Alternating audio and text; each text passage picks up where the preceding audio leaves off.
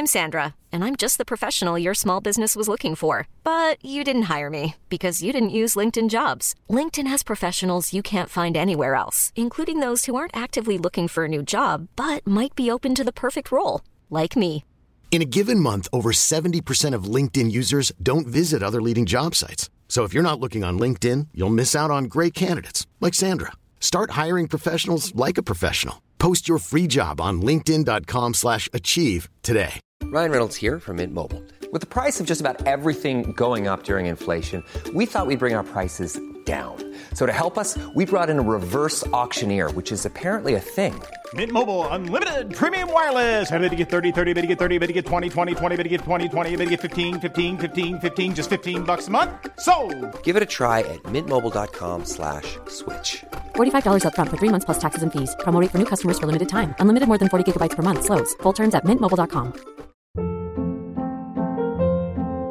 Hold up. What was that? Boring. No flavor. That was as bad as those leftovers you ate all week. Kiki Palmer here, and it's time to say hello to something fresh and guilt-free. Hello Fresh. Jazz up dinner with pecan-crusted chicken or garlic butter shrimp scampi. Now that's music to my mouth. Hello Fresh. Let's get this dinner party started. Discover all the delicious possibilities at hellofresh.com.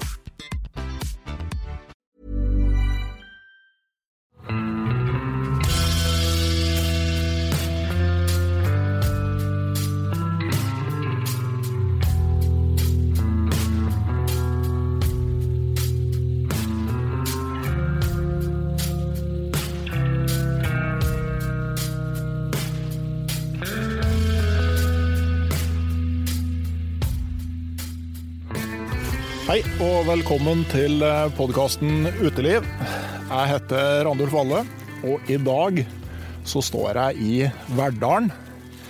I Vukku, mer presist. Temaet i dag, det er lange skiturer.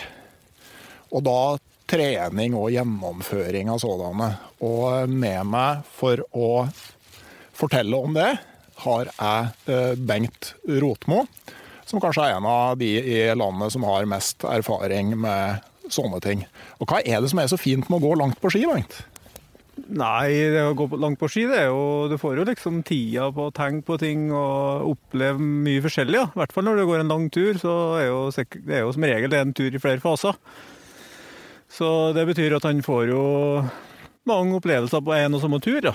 Så, også samtidig så er jo det å gå en lang skitur i seg sjøl en, en, bra ting, da. Det er jo en utfordring. Og det setter jeg på prøve i forhold til det å være ute over lengre tid. Og det er kanskje derfor jeg liker lange skiturer veldig godt, da. Jeg tenker når, når jeg sier at eh, det er du, Bengt, som skal være med å snakke om det her, så tror jeg en del av lytterne tenker at ja, det er jo åpenbart at man tar med seg Bengt Rotmo for å snakke om noe sånt. De resterende tror jeg tenker hvem i all verden er Bengt Rotmo? For på tross av at du har vært veldig mye på tur, så er du ikke noe sånn friluftskjendis. Men eh, kanskje du kan fortelle litt om hva du har gjort av lengre skiturer opp gjennom tida? Ja, det, det starta jo egentlig sånn som for veldig mange. Eh, med små turer hjem i skogen. I området her, kanskje. Og her er jo ja, ganske sånn vanlig trøndersk. Granskog, myrer. Det er som regel veldig greit med snø om vinteren. Og det starta da med et sånt friluftsliv som var veldig variert. For at vi Ja, når vi var guttunger, så tok vi jo bare og reiste reist ut til skogs. Fyra mål. Ha det artig. Akkurat hva vi gjorde, det kommer ikke jeg haug, men men uh, i hvert fall veldig variert, da. Helt ifra starten. Og så ble jeg jo en sånn uh, ja, hva skal jeg kalle det, sånn jeger som var jaktidiot, kan jeg kalle det. Da var jeg en sånn skikkelig jaktidiot. All tida mi den gikk på å gå rundt omkring og se etter fugl opp gjennom her. Det er veldig nærme der vi står nå. Og så for jeg i militæret. Og da var jeg i Finnmark på GP, og så oppdaga jeg det egentlig at ja, det var ikke jakta som var tingen, men det var og være ute på tur. Og der fikk jeg gjort en del lange turer på Finnmarksvidda bl.a. Både i grønt og sivilt når jeg var der. Og det skapa jo liksom en sånn plattform for min del i forhold til det å gå på skiturer. Og etter det så har det på en måte bare eskalert, kan en trygt si. Så drømmen om å reise, den har òg alltid ligget der. Så de to i kombinasjon da, førte jo til at jeg havna i Alaska. Og det var på 90, slutten av 90-tallet akkurat jeg for dit og brukte ganske mye tid der. Og ja, så ble det nå. ene gikk et lag, et lag, kryssa Alaska på ski. Så gikk jeg jo da med deg gjennom Nordvestpassasjen. Og det var jo en utrolig lærerik opplevelse, vil jeg si. Og som på en måte da danna grunnlaget for min del til å jobbe som guide da, innenfor den bransjen her. da. Og som guide så har jeg egentlig vært på de fleste plassene du kan gå på ski. da. Så Alaska litt. Eh, nei, Canada, mener jeg. Litt som guide. Og Sydpolen, Grønland, Nordpolen, Patagonia. Og hjem her, da, i Norge, selvfølgelig. Finnmark. Ja, litt sånn andre plasser. Så har det vært mye på ski. Ja. Hvor mange ganger har du vært over grønlandsisen? Det tror jeg er tolv, hvis ikke jeg tar helt feil. Så vi kan eh, konkludere med at vi har med oss en, eh, en kompetent, eh, kompetent, ekspert i dagens utgave av Uteliv. Og nå driver du også og tar med deg folk på tur. og Når vi skal snakke om det her med lange skiturer i dag, så tenkte vi å bruke den klassiske grønlandskryssinga som på en måte en sånn forankring og et eksempel. da. Men hvem er det som kan være med på en sånn tur over Grønland? Ja, Det som jeg bruker å si, er det at alle som eh, er sånn normal fysisk form, og som har lyst, de kan i prinsippet klare å krysse Grønland. I hvert fall på den måten som jeg syns det skal gjøres. da. Ja. Og, og så lenge at en tar, tar det med ro, og tar dagene som de kommer, og går rolig, så er det ikke noen uoverkommelige ting å krysse Grønland for en helt vanlig person. Hva som er den viktigste forutsetningen tenker du, for å kunne være med på en sånn tur? Eh, Det er jo at en på en måte er klar over hva er som er motivasjonen min for å dra over Grønland. For at den vil variere fra person til person. Og hvis en gjemmer den eh, altså Det er liksom to hovedgrunner til at folk krysser Grønland. Det ene er fordi at de ønsker å være på tur. Altså Det er turen i seg sjøl som er på en måte målet. Og den andre er at eh, de vil tikke av det å ha kryssa Grønland. Og nå sier jeg ikke at noen, noen av dem der er bedre enn noen andre, men eh, hvis du ikke er ærlig med deg sjøl på hva som er grunnen til at du går over Grønland, så, så kan det skape problem.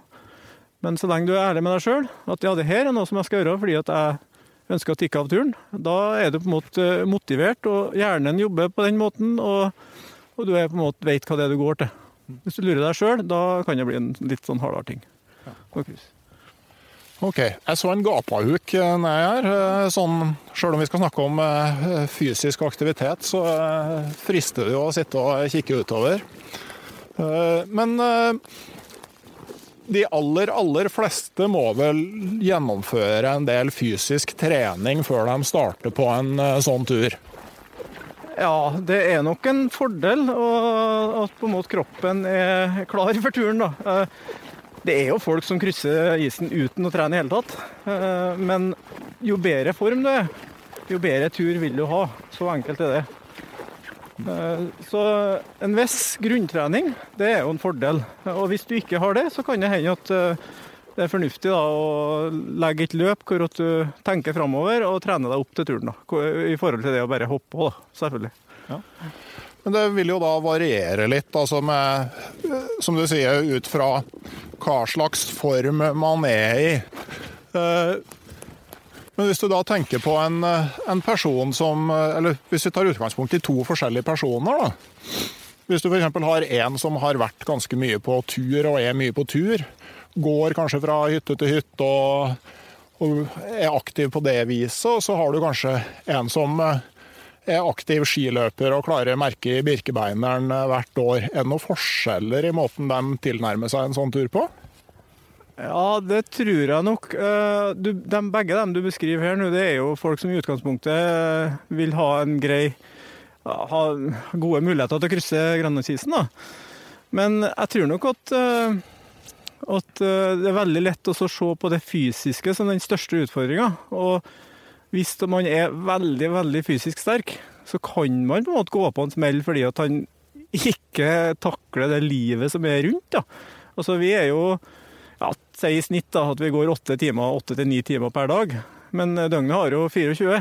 Altså Hvis du klarer de, de åtte, åtte, eller ni, men ikke de resterende, så kan det være en utfordring da, for den som er veldig, veldig sprek. Mens den personen som er en som har på en måte levd et sånn omflakkende liv og gått fra hytte til hytte, som du sier, og veldig sånn variert villmarksmessig, så vil jo han eller hun kanskje være litt bedre rusta i forhold til det å, berge de der andre timene i døgnet hvor du ikke går på ski.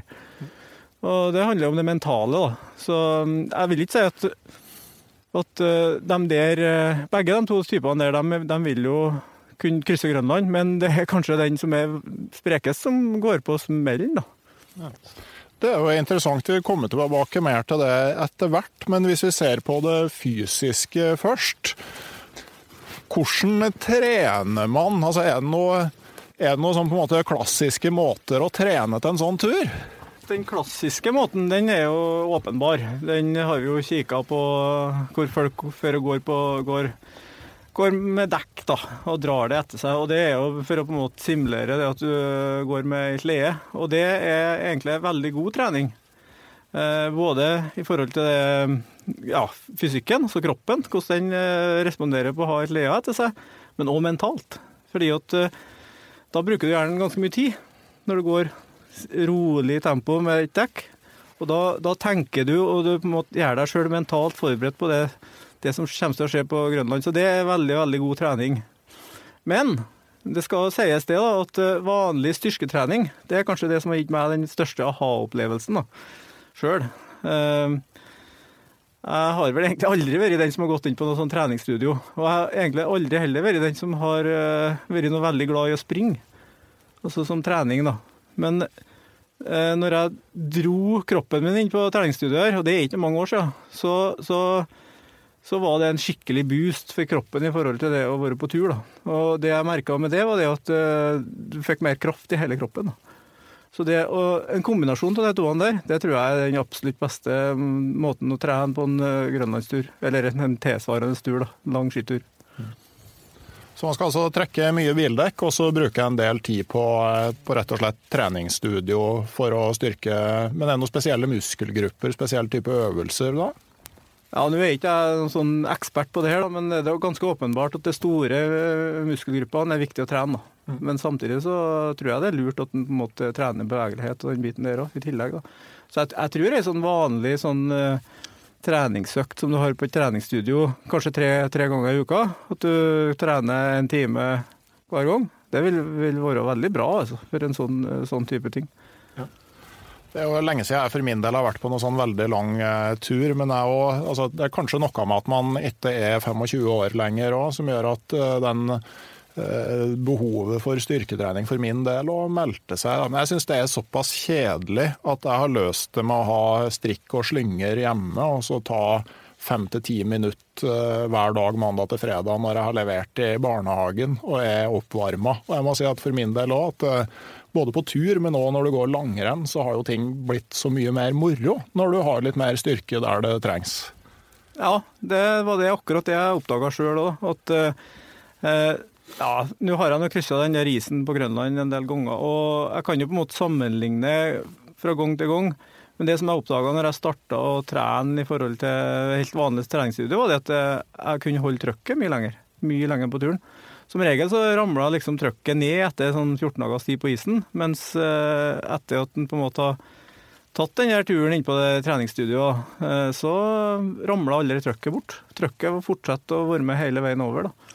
Så tror, jeg tror det, at, eh, det er åpenbart at vanlig styrketrening og trening i forhold til det spesifikke, det er på en måte måten å gjøre på hvis en skal på en sånn lang skitur.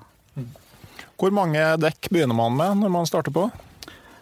Nei, det er vanskelig på en måte å si. Jeg, jeg, tenker som så at han må ikke trene for hardt.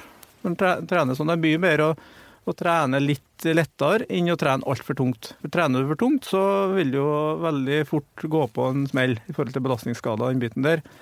Men jeg ser jo det at de fleste som driver og trener med dekk, de har to, to dekk etter, etter, seg når de driver og trener. Men, og så varierer det litt. Noen har felg i dekka, noen har ikke, og noen har store dekk, og noen har små dekk. Men jeg tror at det har ikke så mye å si, egentlig. Det er mest det at du på en måte eh, gjør kroppen klar for, å, for den, der, den der bevegelsen, altså den vinkelen som går i forhold til skia når du drar pulken. da. Men men det er vel litt teknikk med det her òg, Altså det at du kan være relativt framoverlent, sånn at du bruker kroppstyngden og ikke knærne hele tida. Ja, det kan nok stemme. skal, jeg skal ikke si hva som er rett og ikke rett, men jeg, jeg tror det blir veldig rett når man trener med dekk på en grusvei. Ja. Det er lett å si to, to dekk, da. Eh, av en litt sånn tyngde. Ikke, ikke sånn at de Altså, det må ikke være sånn at det kjennes for lett ut, men det skal heller ikke kjennes for tungt ut. da. Og jeg tror nok at det er flere som har starta med svære traktordekk og funnet ut at ja, det går, eh, det går et kvarter og det går 20, 20 minutter og en halvtime, og så begynner jeg liksom kjenne at det her er litt for mye. Da, da, da er det bedre å ta to timer med, med to vanlige bildekk, tenker jeg. da. Ja, Vi snakka jo om Nordvestpassasjeturen som vi gjorde. Jeg begynte jo med to bildekk med felg og eh, pådro meg Det var vel Jumpers 9 det ble eh, diagnostisert til før turen. Eh, Men eh, 90 dager på ski foran pulken var akkurat passe for å bli kvitt igjen, viste det seg da. Ja, ja. Nei, jeg har jo trena med to, to dekk på, på grusvei når jeg har trena sånn. Men de siste årene så har jeg vært så mye på tur at jeg har egentlig sluppet det der dekktreninga. Det, det, det er liksom minuset med den dekktreninga er at det ser jo temmelig idiotisk ut da, når du møter folk. og vi er nå en gang sånn at vi bryr oss om hva andre folk tenker om og Så jeg er ikke sånn, jeg, jeg føler ikke det er ikke noe behagelig for å gå med dekk der det er andre folk som kikker på meg og ser hva jeg gjør. Så jeg er glad for at jeg slipper å, å dra så mye dekk. Men eh, tror du ikke det i dag at det nesten er litt sånn statussymbol å trekke dekk? For at, altså, Før så ble det jo sett på som eh, tulling, men nå er det så mange som drar på sånne turer og, og vet hva det her er forberedelse til. Sånn at hvis du trekker bildekk, så betyr det at du skal på en skikkelig kul eh, skitur. Ja, det er nok sant, det. Ja. Jeg minner meg om en liten historie. Det var han Christian Jost, det. Som fortalte Han er danske, da. Han skulle til Sydpolen. Og så um, De dro jo dekk i Danmark. Og så var det noen som stoppa og spurte dem hva i verden de holder på med.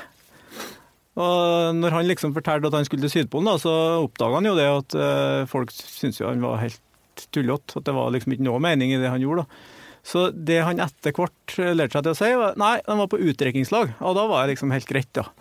Mens eh, når han var i Norge og trena med dekk, så var det helt annerledes. Da kunne han gå eh, opp gjennom Nordmarka med dekkene, og da oppdaga han jo det at folk de, Ja, det var en, det var en liten gutt som spor eh, far sin om hva han der gjør for noe. Og da har faren sagt du der, han der han trener garantert for en lang tur over grønlandsisen. Å ja, ja, men det var greit. Så, så det er nok rett som du sier, at det, det, det er sett på som en helt grei ting, i hvert fall rundt Oslo-gryta.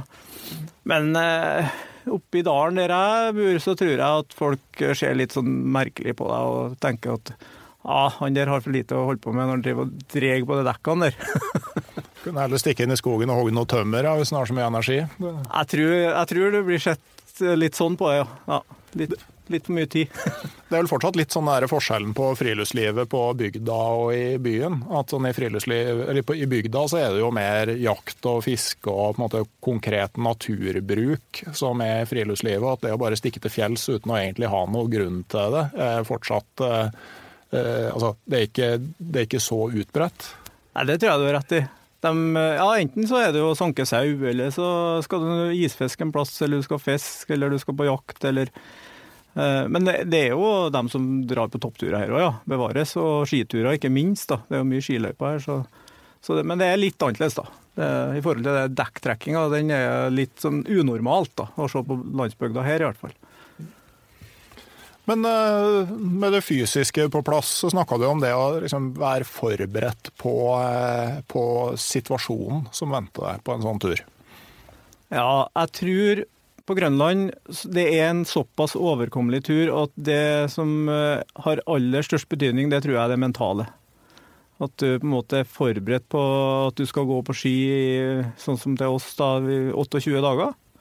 Så skal du fungere i ei gruppe, og du skal Selvfølgelig er det lov lov å ha dårlige dager, men, eh, men på en måte gruppa skal fungere sammen. og og du skal møte stormer, du skal ha fine dager, du skal se at folk har det bra når du ikke har det bra, og motsatt. ikke sant? Så det er, mye, det er mye det mentale som på en måte avgjør hvor bra en sånn kryssing blir. da. Så jeg tror det har kanskje like mye å si det som fysikken. fysikken. Men en annen ting, altså det å være vant til å være på tur, være vant til kulde, være vant til dårlig vær, hvor mye har det å si? Jeg, jeg tror at det har veldig mye å Kanskje det er ikke nødvendigvis avgjørende at du har det der eh, kunnskapen der, men du må i hvert fall klare å tilegne deg den kunnskapen i relativt kort tid etter at du har starta. Hvis ikke så blir det jo forholdsvis tungt. Men dem som har et sånn liv hvor at de har vært mye på tur, og de vet at når de kommer inn i teltet om, om kvelden, så skal de eh, med en gang starte å tørke klærne som er blaute, og ordne seg og sørge for å få mat i kroppen og alt det der. At de liksom har det der på stell allerede før de starter, så er det en enorm, enorm fordel i forhold til dem som kanskje ikke har det, da. Som kanskje ja, tar av seg bløt eh, T-skjorte og legger til side, så finner morgenen etterpå stivfrosset, ikke sant. Så, og da kanskje pakker sammen og leter til nye. Og det er greit, den der, men da kommer til fjerde og femte dagen, da, så er det liksom tom for klær. da. Og da må liksom ta den der eh, ta den harde veien, da. Men det er klart, eh, alle, alle lærer til slutt. Ingenting du lærer så mye av som å bare ha våte klær. men- men Da lærer du at du må tørke klærne, ja. Og så blir du jo selvfølgelig irritert på deg sjøl hvorfor du ikke har gjort det. Altså, det hender jo seg at jeg, at jeg glipper, jeg òg. At jeg plutselig om morgenen finner Å, shit, nå har jeg glemt å tørke skjorta mi. Ikke sant? For jeg, det første, Hun var så blaut om, eh, om kvelden når jeg kom inn at jeg første jeg gjorde, var to, av meg og ha på meg noe tørt. Og så la jeg til side, så har jeg glemt det. Ikke, ikke hengt det opp. og og møter jeg om morgenen, og da har jeg to valg. Enten kan jeg ta ei tørr ei, og så blir den der fortsatt blaut, eller så kan jeg ta på meg blaut, og så har jeg fortsatt ei tørr ei, da. Og det er jo det, er jo det siste som er på en måte rett måte å gjøre på. Får den heller fryse litt i starten, og så blir det jo varmt til slutt. Ja. Du har jo folk av forskjellige nasjonaliteter og fra forskjellige deler i verden med deg på tur.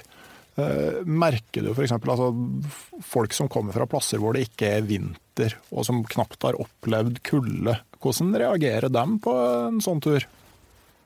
Nei, det er litt varierende. For Grønland så vil jeg jo si at de fleste som kommer dit, de er ganske sånn De vet hva de går til, altså. Jeg er er overraska over hvor flinke folk er til å på en måte tilhenge seg den kunnskapen de trenger, på tross av at de ikke lever i et hvitt landskap sånn som her hos oss. da. Eh, Men på de kortere turene så ser jeg kanskje litt mer at folk kommer og ikke har helt oversikt over hva det er som skjer. Og da, og da blir de jo veldig overraska over hvor enkle løsninger egentlig ofte er. da. Sånn som jeg husker på, en, Det var en gang oppe i Polhavet. det. Hvor Jeg kommer inn i teltet, og samme, du kommer inn om, kvelden og begynner å ordne deg, og så, og så er jeg som sier til meg at farsken, de er så kalde, vært så kald på fingrene i dag. Hele dag har jeg vært kald på fingrene. Ja, Så spør jeg om jeg får se vottene hennes, da. Ja, så får han jo dem, da. Og så tar jeg jo ut eh, vranget av yttervotten, eller eh, skallet, da, og så tar jeg og vrenger eh, ullvotten som ender, og der er jo full og vis, ikke sant? Og så henger jeg opp en, da. Vrang, da. Likeens med den der, eh, den der vindvotten, da. Og så kikker jeg på meg og sier Åh, det er så enkelt for deg, for det her er jo hjemmet ditt, det. Mm. Altså, men eh, jeg tror at det er en fordel å, å være i stand til å Altså, og at du har levd et liv hvor du har vært på sånne turer, men, men for å være helt ærlig, så, så, er, så er ikke vi nordmenn flinkest på alt, altså, når det gjelder vinter. Det er veldig mange løsninger som er annerledes enn våre, men som òg fungerer. Da. Og det tror jeg er en sånn, sånn gjenganger, at, eh, at eh, så lenge du har tro på en ting, og du har et, et fokus, så funker det. Nesten uansett. Det er ganske merkelig, altså. Så vi skal være litt sånn åpne i forhold til hva andre, andre nasjoner også gjør, da. Og så er det jo en gang sånn da, at eh, folk lærer av hverandre. Og jeg ser jo det at jeg har jo som regel på Grønland så har jeg kanskje seks kunder med meg. Og jeg lærer jo så mye som jeg kan til dem, og jeg ser dem lære av hverandre. Og de velger det kanskje noen ganger løsninger som ikke er den løsninga som jeg velger, som de har lært av en annen. Så det, det varierer litt. Jeg vet ikke om det var svar på spørsmålet, men eh, Jeg tenkte jo kanskje at det å ha vokst opp altså sånn helt fra barnehagen, da, lært seg det her med å snu vottene og vite hvordan det er når du får vind og snø i ansiktet og sånn, men eh, at det på en måte gir deg en sånn psykologisk fordel. Men det er kanskje sånn hvis du er innstilt på turen og klar for å lære, så er det der noe du tilpasser deg veldig fort? Ja, det tror jeg. Eh, det er litt som med alle andre ting, da. Hvis, hvis du gjør en ting feil, og så ikke aksepterer at uh, det finnes andre løsninger, så vil du aldri lære. Mens hvis du kommer og er helt fersk, så hører du på alt. Og det skjer i hvert fall at uh, dem som ikke kan noen ting, de hører på alt jeg sier. Og de gjør akkurat det jeg, jeg sier de skal gjøre, og de lykkes jo veldig ofte. Men så har du noen som på en måte har kanskje annet syn på saken, og som aldri er villig til å lære som kanskje alltid sliter. da, og aldri, og Typisk en sånn mannfolkting, det er greiene der, vil jeg si. da. Så, så det Idealsituasjonen det er jo å møte ei dame som aldri har vært ute. Hun vil jo høre på alt som blir sagt. Mens en mann som kanskje kan, ja, kan litt, da, og kanskje lært litt feil, og han vil jo aldri høre på hva som blir sagt. Så, men samtidig da, så er det mange, mange måter å gjøre ting på. da. Så, det er et vanskelig spørsmål, det der, akkurat det der. Men det er ikke avgjørende å ha vært veldig mye på telttur vinterstid før du eh, drar i vei? Au, det er jo en fordel, åpenbart. Da vil du jo fort komme inn i turen. Men det er ikke avgjørende, nei, i den forstand at du ikke skal være på tur, nei. Men det er jo en fordel å gå, å gå gradene. Det syns i hvert fall jeg. At du starter med en tur, én telttur, én teltovernatting. Og så neste gang blir det to, kanskje. Og så kanskje velger du å dra på en litt lengre tur. Og det er jo ikke noe man lærer mer av enn å, enn å gjøre ting sjøl. Mm. Når du drar på din egen tur, og du planlegger alt ifra til å. Og du går på noen smeller, ja, sånn som vi gjorde når vi var oppe i Nordvestpassasjen. Det var jo enkelte ting som vi aldri ville ha gjort hvis vi skulle ha starta på turen på nytt igjen. Og det er jo en enorm uh, fin måte å lære på, mm. alt det der. Jeg har jo sågar gjort samme feil på to turer noen ganger. Så noen er litt sånn tunglært sjøl noen ganger, så sånn er nå det. da.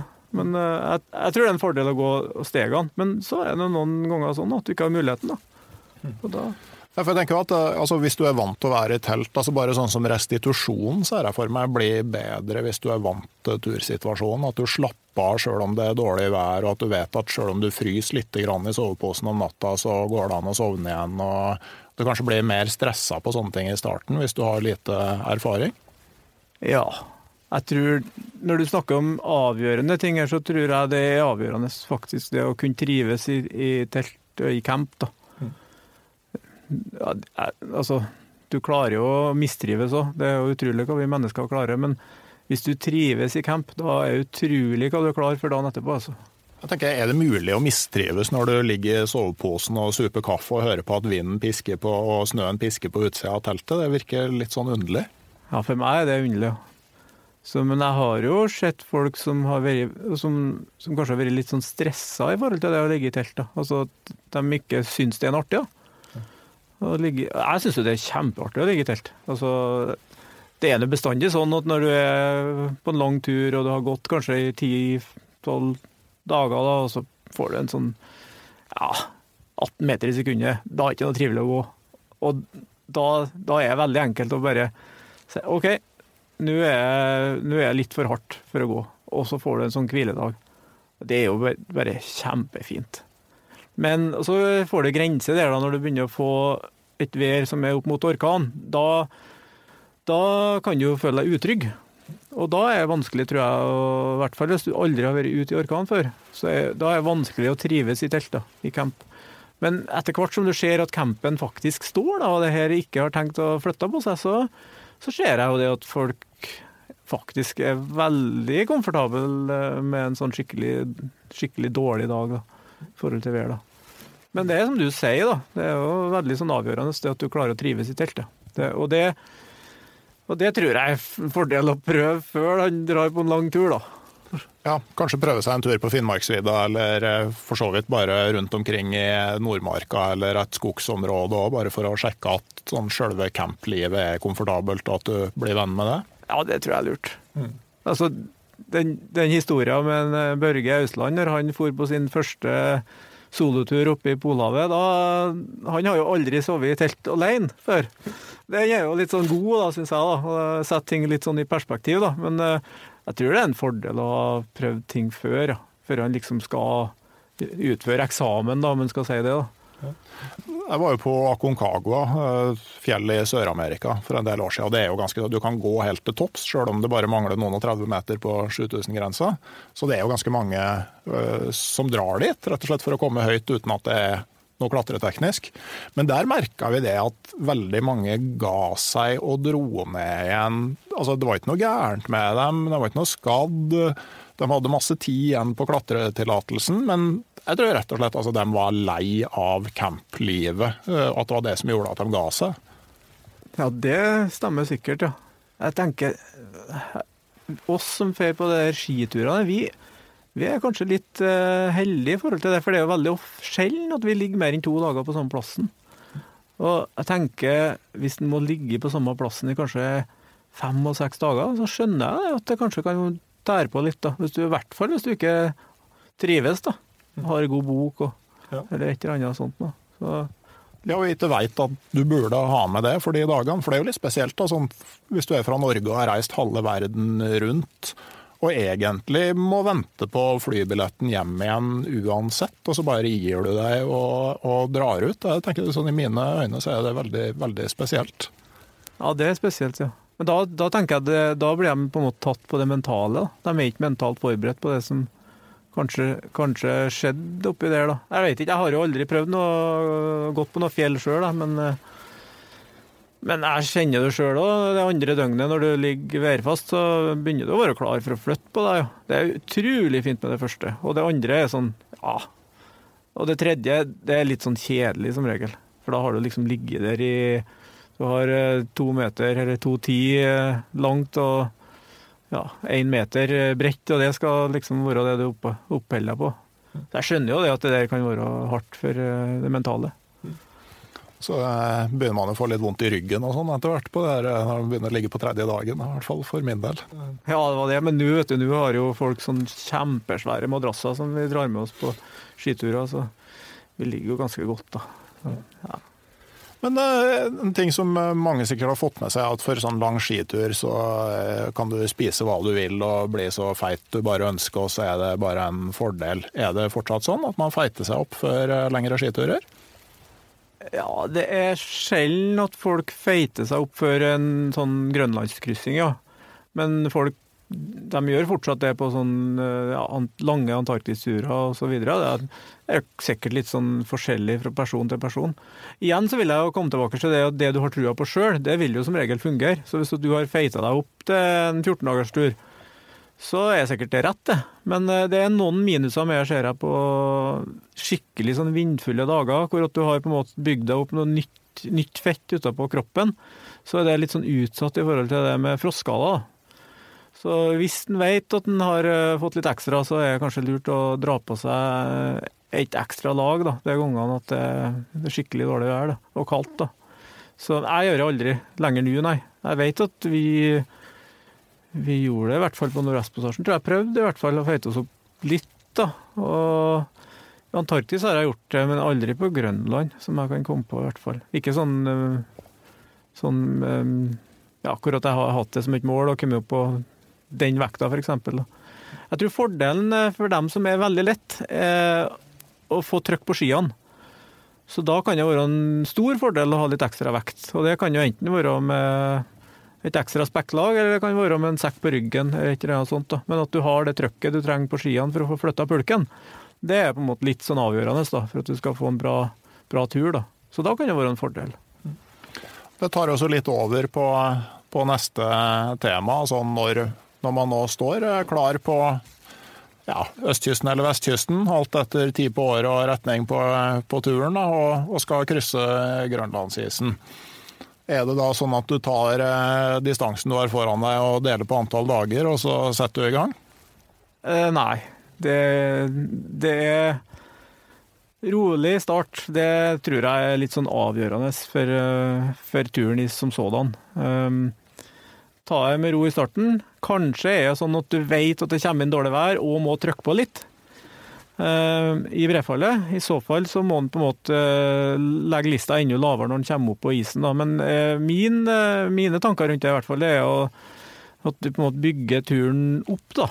At du starter rolig og går litt hardere dag for dag. da. Og så at liksom helt på slutten av turen så, så kan jeg jo trykke på litt. Som en eh, Bård Helge, eh, Bård Helge Strand, en kompis fra, fra Snåsa, han bruker å si det at eh, ja, det der, det der rekordguttene de klarer jo å krysse isen på ja, sju dager. Og da tenker jeg som så at vi går så godt som vi klarer, som det passer oss, inntil det er sju dager igjen, og da klarer vi resten på sju dager. Det er liksom en veldig grei måte å si det på. Så når det er en ei uke, så er det lov å ta resterende distanse og dele på antall dager. Ja, da må en nesten gjøre det. Da må en bare trykke, trykke til. da. Så, men jeg trykker gjerne til den siste uka, ja. Som regel. Eh, Men sånn, eh, har dere en målsetning for hver dag? Eh, Det er litt sånn avhengig av hvordan formen til gruppa er. Altså, som regel så prøver jeg å si at ja, i starten så tar vi sju økter om dagen, og så øker vi med økt. Kanskje legger på ei til etter hvert. Og så ligger vi der over litt lengre tid, og så helt på slutten så legger vi på to eller tre økter til. Så har du liksom på en måte bygd opp turen da, i sånn trappetrinn. da. Men så kan det være sånn at øh, noen blir dårlig. Noen har en forferdelig dårlig dag, eller blir sjuk. Og da må han på en måte trappe helt ned da, og bare gjøre det som er helt nødvendig. Og så må han ta igjen det på slutten. da. Men ei økt, da, hvor lang er den? Eh, Det bruker, for, min del så varierer det, og det varierer med hvor glad folk er å snakke og prate. Så hvis jeg har en gruppe som på en måte ikke sier noen ting, da kjører jeg det, det som vi på en måte lærte i Forsvaret med 50-10. Og så tar jeg bestandig en stor pause midt på dagen. En hel time.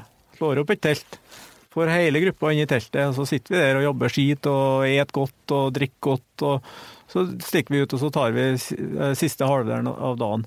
Men så kan du ha en gruppe som er veldig glad i å snakke i pausene. og og det syns jeg er bra, for at det på en måte er med på en måte å skape miljø i, i teamet. Da. Og da kan jeg ofte være sånn at jeg har økter som er både én time og én time og ti minutter, da, for å få litt mer tid å, å snakke på i pausene.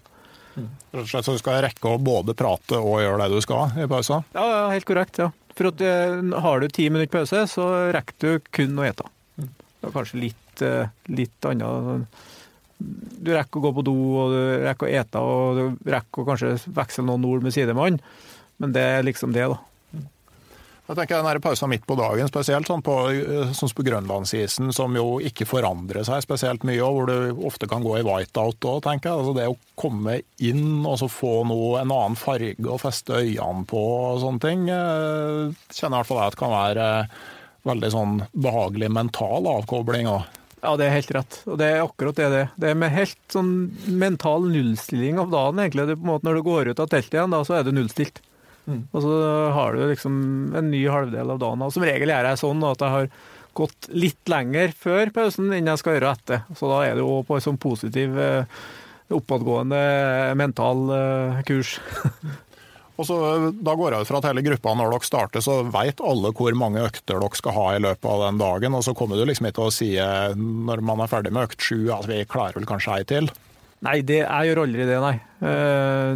I, i, intensjonen min i hvert fall er at alle vet når de går til sengs om kvelden i forveien, at, uh, hvor mange økter de skal gå dagen etterpå. Det er intensjonen, ja. Så har jeg noen ganger at, måte, at det blir sagt på morgenen, da, selvfølgelig. Og så er det noen ganger at man må avbryte. Altså, et av avbrytingskriteriene mine er jo det at når jeg ser at folk ikke har spist på tre pauser, tre til fire pauser, da er det liksom slutt. Da er dagen ferdig. Ellers så ødelegger du neste tre dagene. Så Ja, for Det kommer jo over på det der med, med restitusjon, og, eh, og det òg med, med tempo kanskje først. Altså Kan du si noe om den farta man skal holde på sånne turer? Ja, Det er selvfølgelig individuelt fra gruppe til gruppe, men, eh, men det som jeg ser, er i hvert fall at sånn rundt omkring tre kilometer i timen Det er sånn eh, fin fart i forhold til det å lykkes og ha en fin tur over isen. da. Så Du ønsker aldri å ta ut deg på en dag. Du ønsker liksom å gå som en sånn, eh, sånn god, gammel husky. Du ønsker å ha eh, mye krefter igjen når dagen er ferdig. Sånn at du kan på en måte restituere fort og ha en artig camp. da, den biten der da. Så, og jeg går heller eh, ti timer en dag rolig enn åtte timer hurtig i forhold til en sånn gruppe. For ingen som er lik i gruppene. Så man må på en måte eh, tilordne seg til en sånn gruppefart da, som på en måte funker for alle. Mm. Det er i hvert fall det jeg tenker rundt det.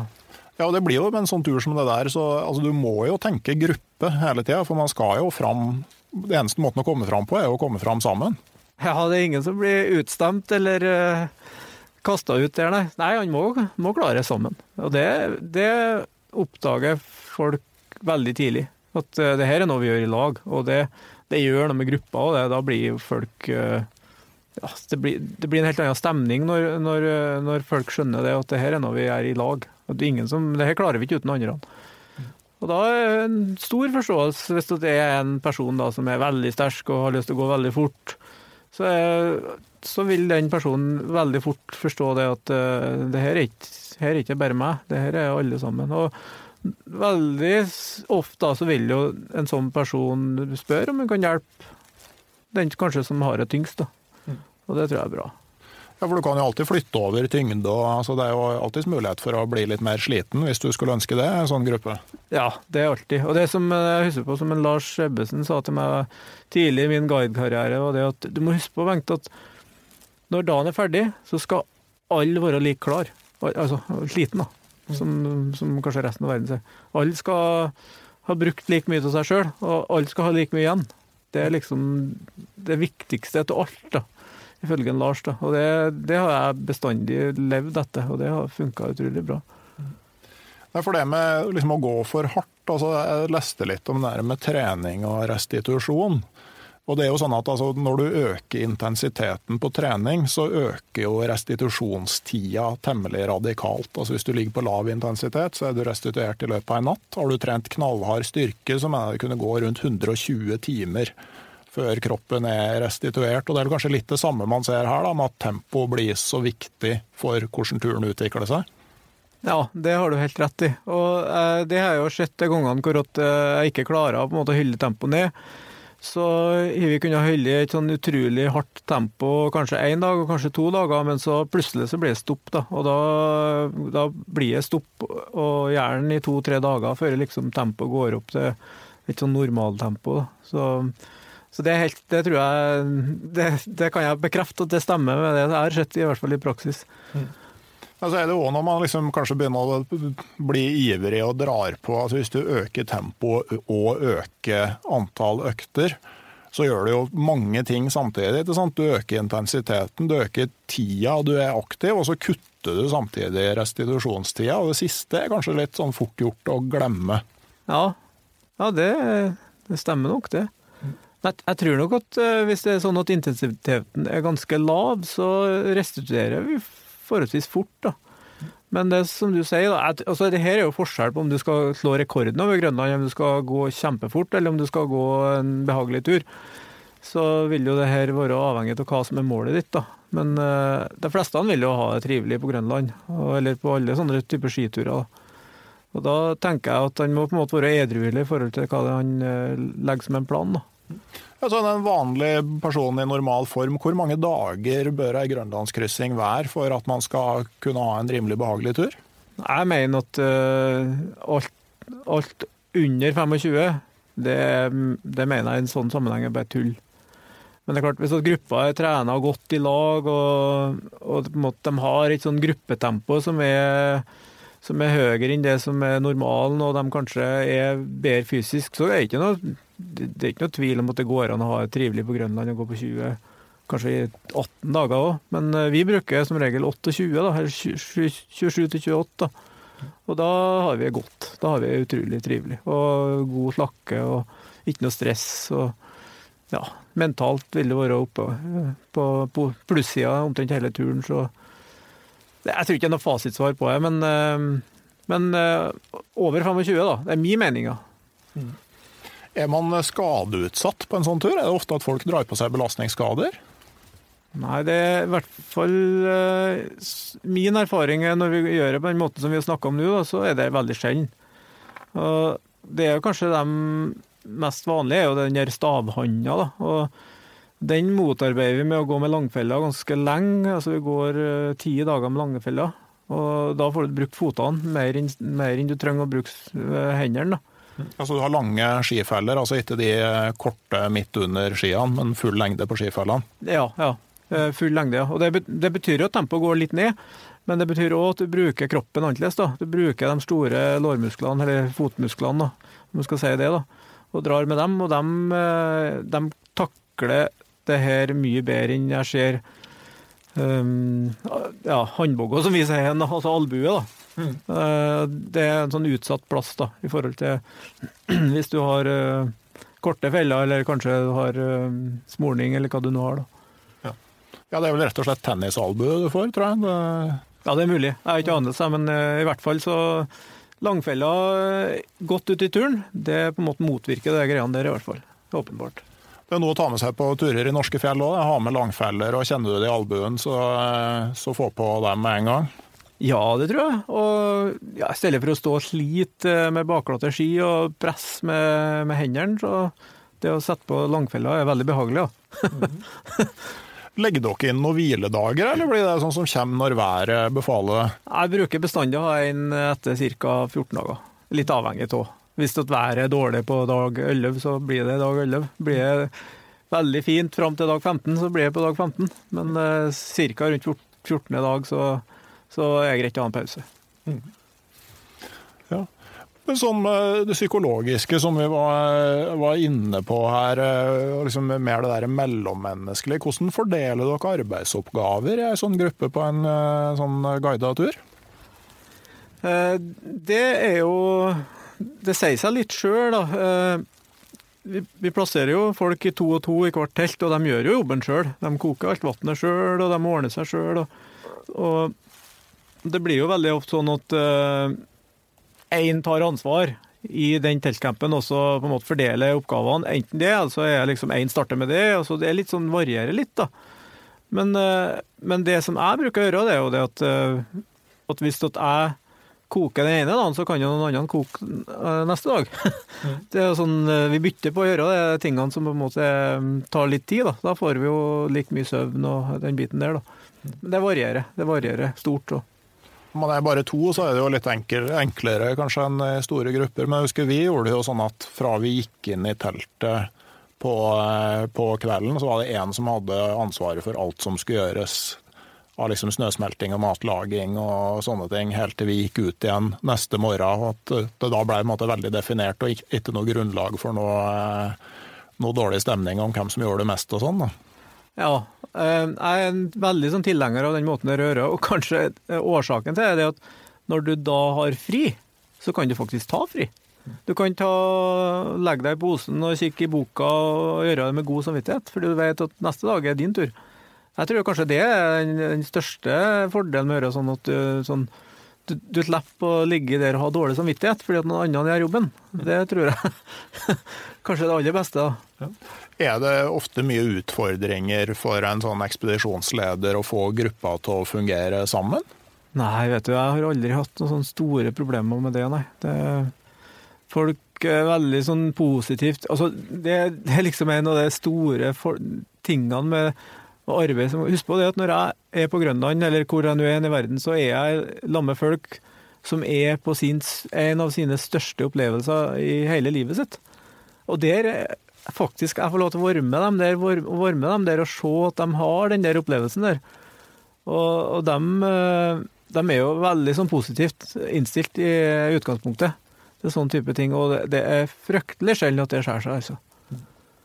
Så det, folk er glad, de er liksom på sin store ting. og ja, det er sånn Det er kanskje en av de grunnene til at jeg syns det her arbeidet er så fint som det er. At jeg får varme dem ut da, når de har liksom sine store opplevelser. Mm. Men sånn, eh, når, når, du er ute og går, altså hva tenker du på når du eh, går foran eh, pulken der? det, ja, det kan du godt spørre om, ja. Nei, det er jo den der berømte tankerekka da, som bare går ifra Starte med ja, noe helt banalt i ene enden og ende opp med noe helt banalt i andre enden. Det kan være hva han skal gjøre når han kommer hjem, det kan være planer for framtida, det kan være tanker om det som har skjedd, og det er liksom ikke noe ende på hva det er du kan tenke på. Altså. Og, og, det handler jo litt om det der tempoet òg, så lenge tempoet er greit, så klarer den der tankerekka bare å flyte. da. Så tenker på alt og ingenting. Det er jo forferdelig dårlig svar, men, eh, men det eneste gangene hvor at været er fryktelig dårlig.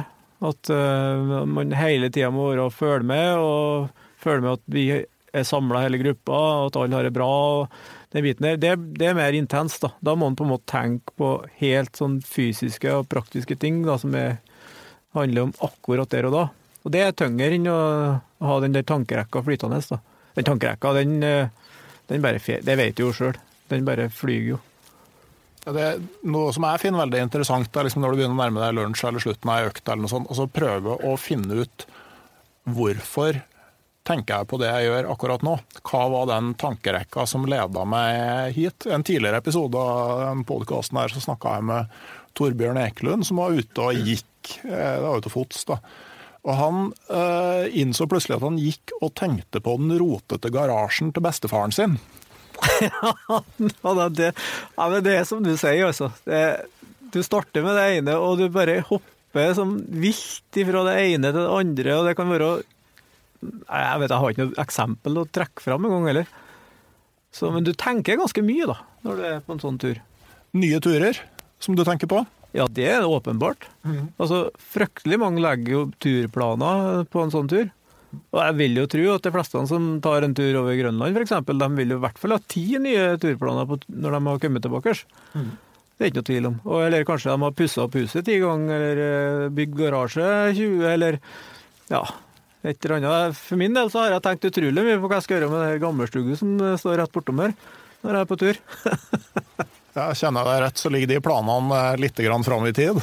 Ja, de har så vidt starta på dem, nå, men de ligger fram i tid. Ja. Det handler om å starte tingene man tenker på. Det er, det er, enklere å tenke på enn å utføre. Det er det.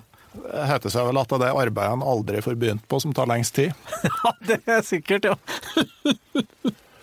ja, ja.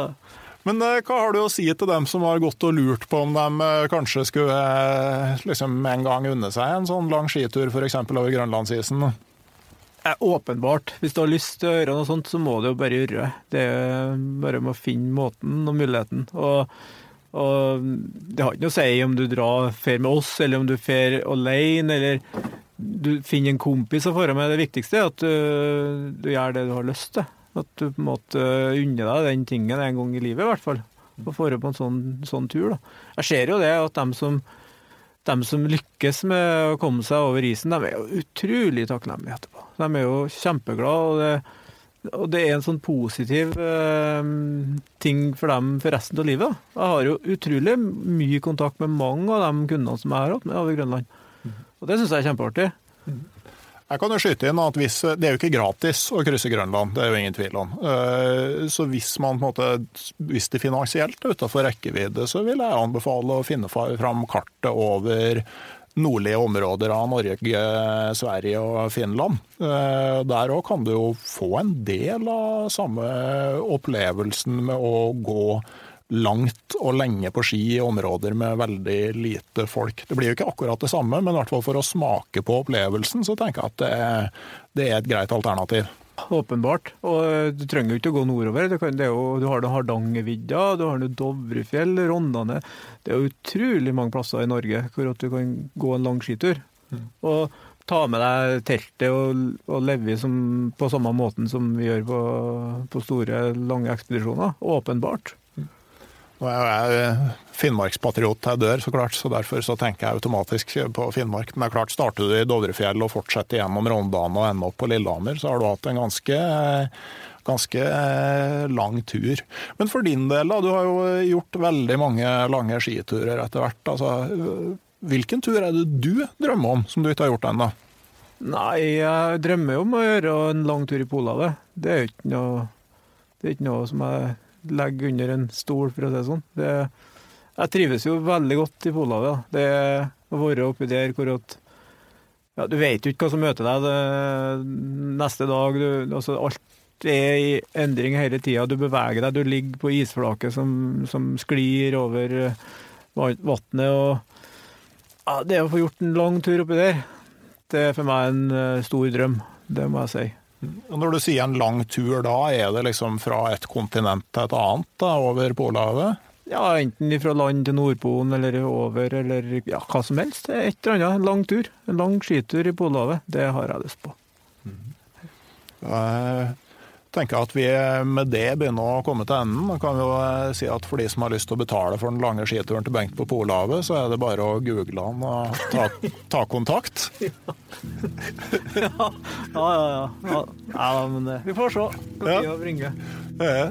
Eh, Jeg skal avslutningsvis nevne at podkasten Uteliv har et samarbeid med Camp Villmark, som er Norges største villmarksmesse. Går av stabelen på Norges varemesse fra 26. til 28. april.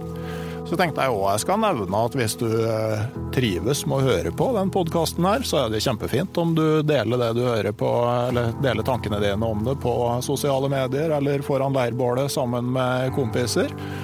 Og siden jeg ikke tjener ei krone på å lage den podkasten her, så er det jo enda bedre om du tar en tur inn på randulfvalle.no og kanskje bestiller et foredrag eller eh, kjøper ei bok eller to. Det skader overhodet ikke. Eh, Men du trenger ikke gjøre noen av delene, du kan bare ta deg en tur ut, og før du veit ordet av det, så dukker det opp en ny episode av eh, Uteliv. Da sier vi takk for oss her med utsikt over Verdalen, så høres vi plutselig. Thank you.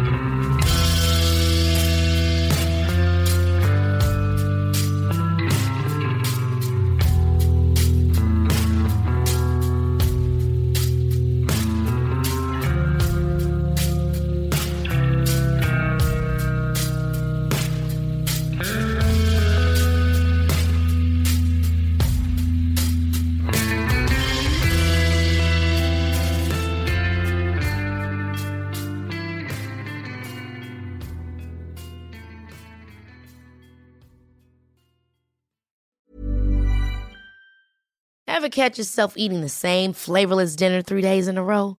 Dreaming of something better? Well, HelloFresh is your guilt-free dream come true, baby. It's me, Kiki Palmer.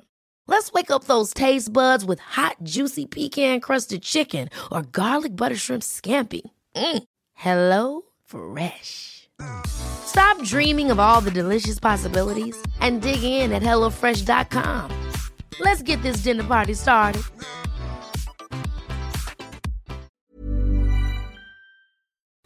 Hei, jeg heter Nore Helligsen og er daglig leder i Barents Outdoor. Det beste vi kan gjøre for planeten, er å redusere forbruket vårt og få mer ut av det utstyret vi allerede har. Men vi vet av erfaring at bruken av telt kan endre seg over tid.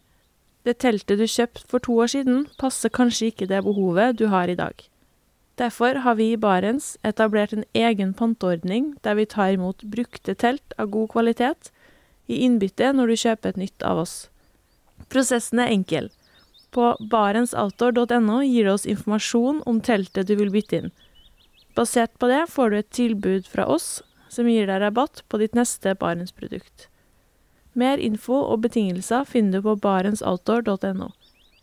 Og husk at den første reparasjonen på produkter fra Barents er alltid gratis.